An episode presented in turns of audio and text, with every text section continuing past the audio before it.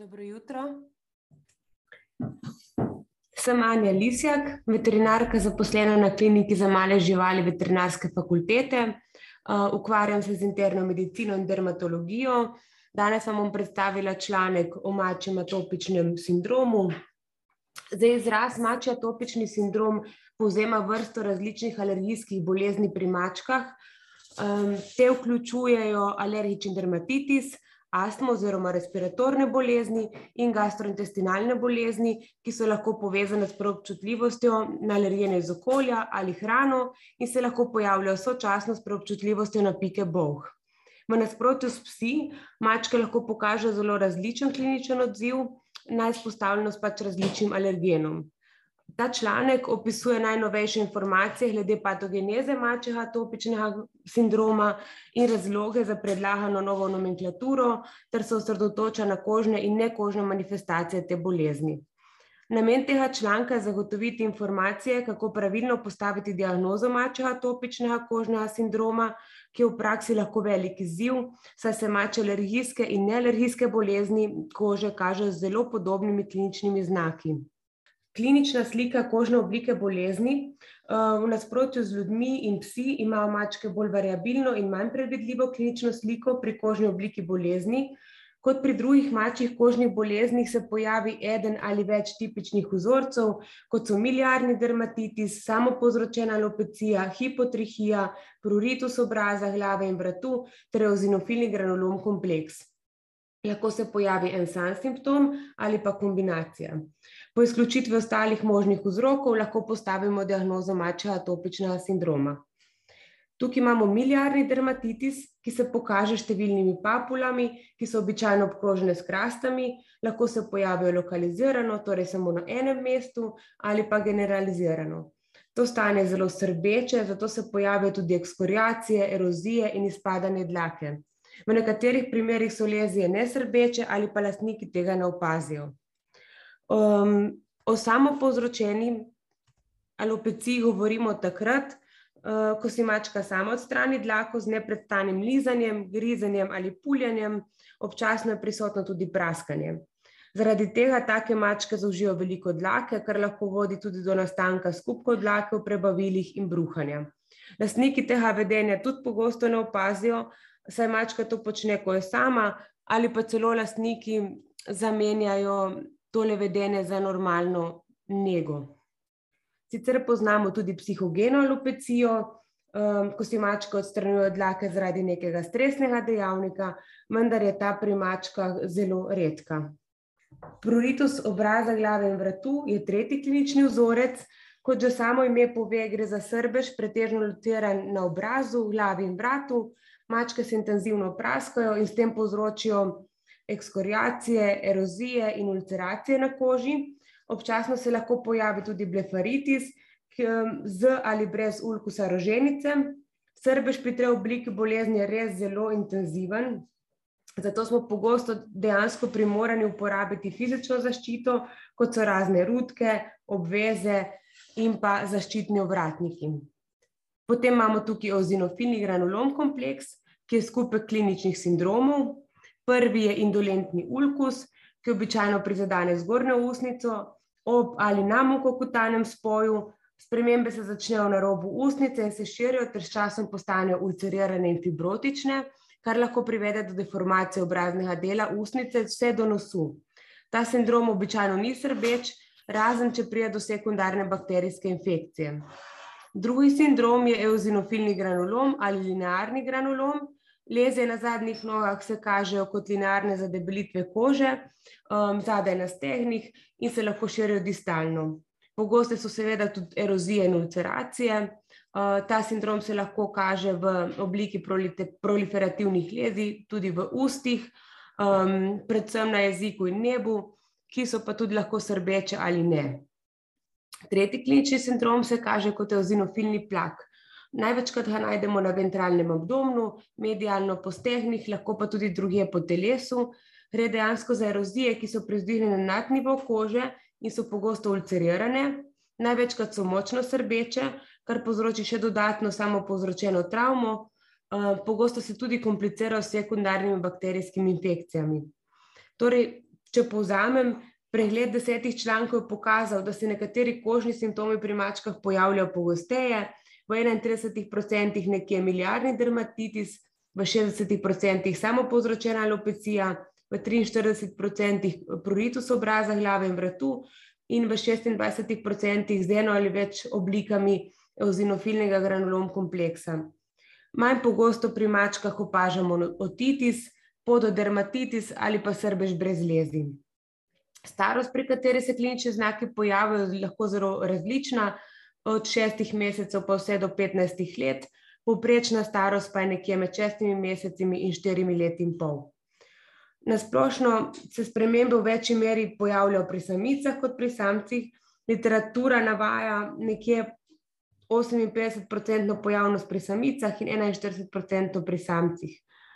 V 75% primerov so spremembe nesezonske, vendar je to včasih zelo težko določiti, oziroma tudi lastniki sami težko ocenijo, zaradi tega, ker tudi pri nekaterih nesezonskih spremembah so lahko prisotna sezonska poslabšanja. Um, še vedno imamo tudi malo podatkov glede pasenske predispozicije za nastanek bolezni, vendar je bil v določenih primerih dokazan genetski faktor. Uh, naprimer, v eni retrospektivni študiji na Finskem so zelo izstopale abesinke, objavljene so pa tudi študije, uh, kjer so dejansko dokazali prenos med družinskimi člani. Uh, nekožni klinični znaki, ki so povezani z atopičnim kompleksom, Um, nekožna manifestacija kliničnih znakov pri mačkah, pri katerih je že bila diagnosticirana kožna oblika alergijske bolezni, je bila omenjena v sedmih člankih.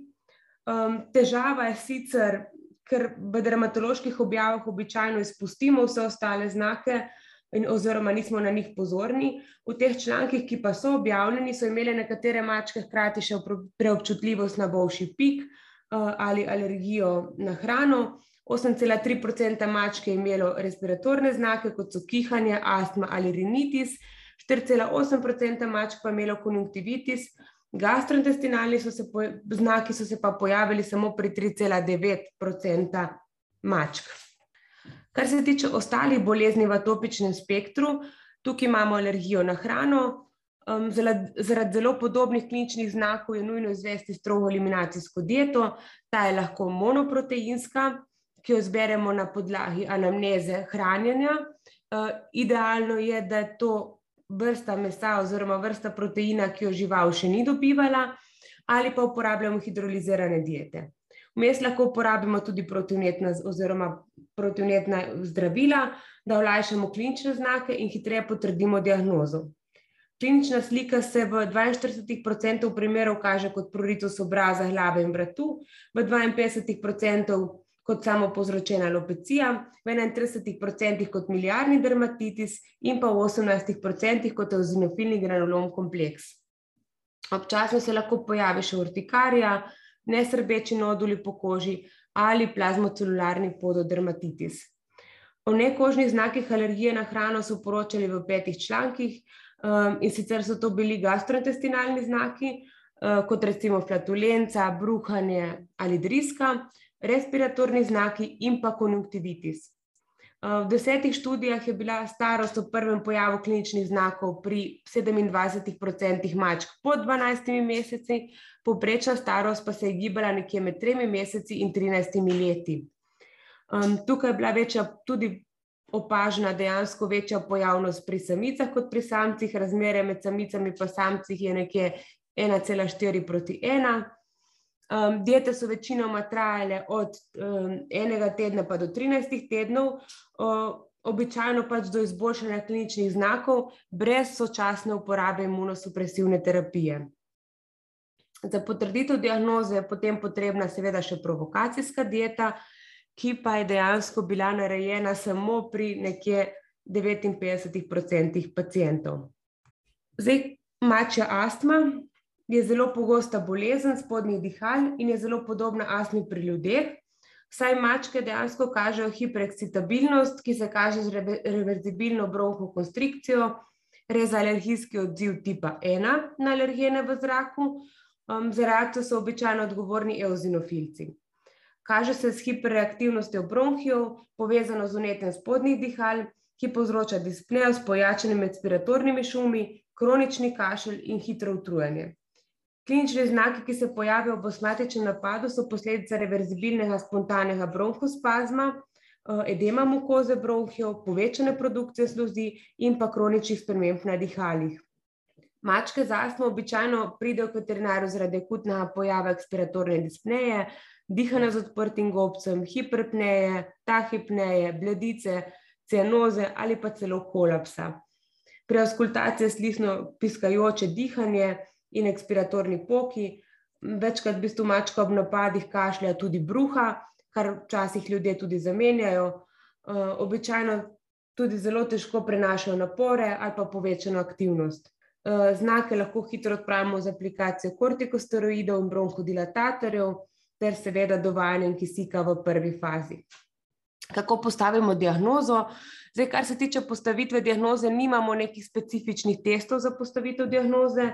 Postavimo jo na podlagi anamneze, kliničnih znakov, rentgenskih posnetkov, bronhoalveolarne lavaže in citologije. Hkrati moramo izključiti ostale bolezni, ki imajo lahko zelo podobne klinične znake. To so recimo uh, kronični bronhitis, parazitarne bolezni, bolezni srca, pneumotoraks, efuzije tekočine v prsni koš, tumori, tujki ter bakterijske ali pa virusne okužbe. Na rentgenskih posnetkih prsnega koša vidimo bronhialni vzorec z debelitvijo sten bronhov zaradi prisotnosti pač peribronhialnih infiltratov. Temu pravimo donut ali rail vzorec. Pogosto lahko vidimo tudi hiperinflacijo pljuč ali pa lokalno atelektazo. Najpogosteje se ta pojavlja v desnem medialnem režnju. Um, treba je imeti pa v mislih, da nekatere mačke z astmo nimajo oziroma še nimajo sprememb na pljučih. Bronhialna lavaža s citološko preiskavo je ključna za razlikovanje med mačjo astmo in kroničnim bronhitisom. Neutrofilci so markeri kroničnega vnetja bronhijev, medtem ko bomo pri mačji astmi našli eozinofilce. O bronhialni eozinofiliji govorimo takrat, ko je eozinofilcev nekje od 17 do 20 odstotkov, um, saj dejansko tudi pri zdravih mačkah lahko najdemo nekje med 6 in 7 odstotki. Eh, idealna je seveda bakteriološka preiskava zaradi izključevanja bakterijskih infekcij, eh, čeprav se pri astmi zelo, zelo redko sekundarno pojavljajo. Drugi testi, ki jih je še smiselno narediti eh, za izključevanje ostalih bolezni, so seveda osnovna krvna slika, ker praktično skoraj vedno opazimo eozinofilijo, kar je ponovadi kar izrazita, parazitološka preiskava, flotacija in Berman, in pa testiranje na dirofilarijo. Potem so tukaj še specifične diferencialne diagnoze, ki jih moramo izključiti, da postavimo pravilno diagnozo mačjega kožnega atopičnega sindroma. To so ektoparazitoze, ne samo bolhe, tudi drugi ektoparaziti lahko povzročajo srbež in dermatitis, zato jih je potrebno prepoznati ali izključiti.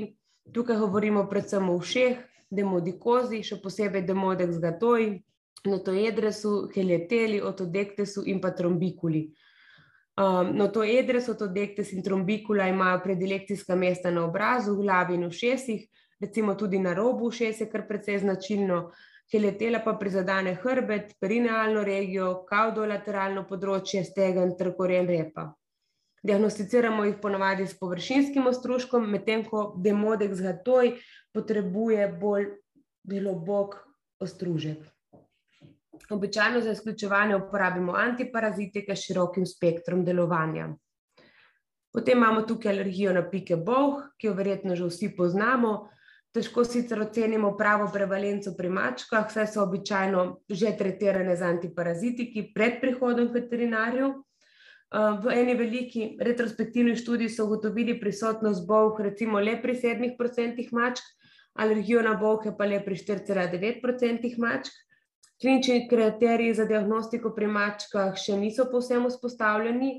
Um, alergija na bolhe se lahko manifestira z vsemi kliničnimi znaki, o katerih smo govorili že na začetku, in se lahko pojavi tudi v kombinaciji z drugimi oblikami alergijskega dermatitisa.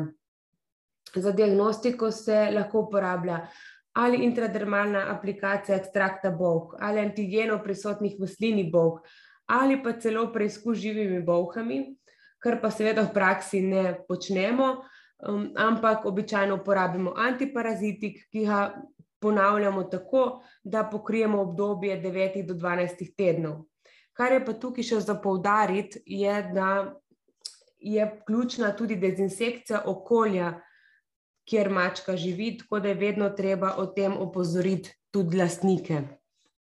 Potem imamo še stafilokokne infekcije in preraščanje malasezi, kar je zelo pogosto pri alergičnih mačkah. Klinično se kaže kot eritem, pustule ali seboreja. Prevalenca sekundarno površinske epidermije zaradi alergije je relativno neznana. V eni retrospektivni študiji so zaznali stafilokokne organizme na površini kože skoraj pri 49% mačk eh, na različnih površinah. Glede preraščanja z malasezo so bile objavljene tri študije, kjer je bila malaseza najdena pri večini mačk na kožih na večjih področjih telesa. Prav tako so našli več malasezi v ušesih alergičnih mačk v primerjavi z zdravimi. Zato je pri diagnostiki vedno zelo pomembna citološka preiskava, saj povečano število bakterij glivic na koži še dodatno potencira srbež. Zato je zelo pomembno, oziroma je tudi potrebno dodatno zdravljenje s topikalnimi protiglivičnimi in protibakterijskimi preparati. Kar se tiče diagnostike mačjega atopičnega kožnega sindroma, oziroma dejansko potrditve diagnoze, um, Zaradi velike variabilnosti kliničnih znakov si dermatologi želijo spostaviti jasne smernice za diagnostiko, kot je to že znano pri psih. Kot smo že povedali, je to še vedno diagnostika na podlagi izključevanja, ko so izključene vse ostale bolezni in razlikujemo samo še med alergijo na hrano in atopičnim kompleksom, uporabimo najprej dobro in ustrezno dolgo eliminacijsko dieto, na to pa delamo alergijske teste. Eh, alergijski testi potrjujejo diagnozo in v bistvu ne samo to, ampak jih izvajamo vedno z namenom izdelave in uporabe imunoterapije. Lahko se poslužujemo intradermalnih alergijskih testov, ki so še vedno, ki dejansko veljajo še vedno za zlati standard, uh, ker naj bi bili biološko bolj relevantni, ampak žal še vedno niso standardizirani. Uh, večina veterinarjev uporablja serološke teste, ne samo zaradi praktičnosti in cene, ampak tudi, ker so intradermalni testi težji za interpretacijo, kot naprimer pri konjih ali pa psih. Mačke imajo namreč čipkejše reakcije in so prehodnega značaja, ter jih je zato težje pravilno odčitati. Zaradi tega, tako kot vidite na spodnji desni sliki, lahko uporabimo tudi um, intravensko aplicirana barvila, kot recimo fluorescein, ki jih apliciramo tik pred testi, oziroma takoj po izvedenem testu. Te rezultate se potem odčitajo nekje v 15 do 12 minutah, in pri odčitavanju si lahko pomagamo z vodovo svetilko. Pozitivne rezultate vedno, vedno, vedno interpretiramo na podlagi anamneze in kliničnih znakov. Potem imamo kožne epikutane teste, kjer je postopek malo drugačen kot pri intradermalnem testiranju, saj alergen nanesemo na površino kože, ki jo poškodujemo oziroma popraskamo s pomočjo posebne naprave. Ta metoda sicer ima zelo malo stranskih učinkov, vendar je objavljenih zelo malo študij glede uporabnosti tega postopka in pa seveda spet ni standardizirana. Potem so tukaj še serološki testi, ki so najpogosteje uporabljena metoda testiranja pri mačkah, saj imajo seveda številne prednosti, eh, kot so, da načeloma za odzem krvi ne potrebujemo sedacije, načeloma. Postopek je manj traumatičen in bolj hiter. Slabost pa je ta, da metoda meri samo specifične IgE, ki krožijo po krvi, ne pa tudi histaminske in nehistaminske reakcije v sami koži. Um, vedno se moramo zavedati, da ima lahko tudi popolnoma zdrave mačke ali psi pozitivne rezultate, zato je potrebno rezultate vedno interpretirati na podlagi anamneze, na podlagi klinične slike. Preden delamo teste, mora biti žival 7 dni brez antihistaminikov, vsaj 14 dni brez peroralnih ali topikalnih kratkodelujočih kortikosteroidov in 28 dni brez dolgodelujočih injekcijskih kortikosteroidov. Kar se tiče uporabe ciklosporina, najkratka uporaba, recimo do šestih tednov, naj ne bi bila sporna, oziroma naj ne bi vplivala na rezultate samega testiranja. Če povzamem, tale članek poudari kompleksnost mačjega atopičnega sindroma, ki vključuje različne organe, kožo, gastrointestinalni sistem ter seveda respiratorni sistem. poudari tudi to močno povezavo med kožno, gastrointestinalno ter respiratorno obliko bolezni pri alergičnih mačkah, na katero smo bili, oziroma nis, smo bili premalo pozorni, oziroma nismo bili pozorni. Um, gastrointestinalni respiratorni očesni znaki se lahko pojavijo tako pri mačkah z atopičnim kompleksom, kot pri mačkah z alergijo na hrano. Um, pomembno pa se zapomni, da diagnozo atopičnega kompleksa postavimo z izključevanjem drugih bolezni s podobnih ničimi znaki. Kar se tiče pa v bistvu same bolezni, še vedno premalo raziskav na temo mačjih alergij. Večinoma še kar vedno povzemamo, kar je znanega pri psih in ljudeh, kar pa vemo, da dejansko pri mačkah ne drži vedno. To je z moje strani vse. Hvala.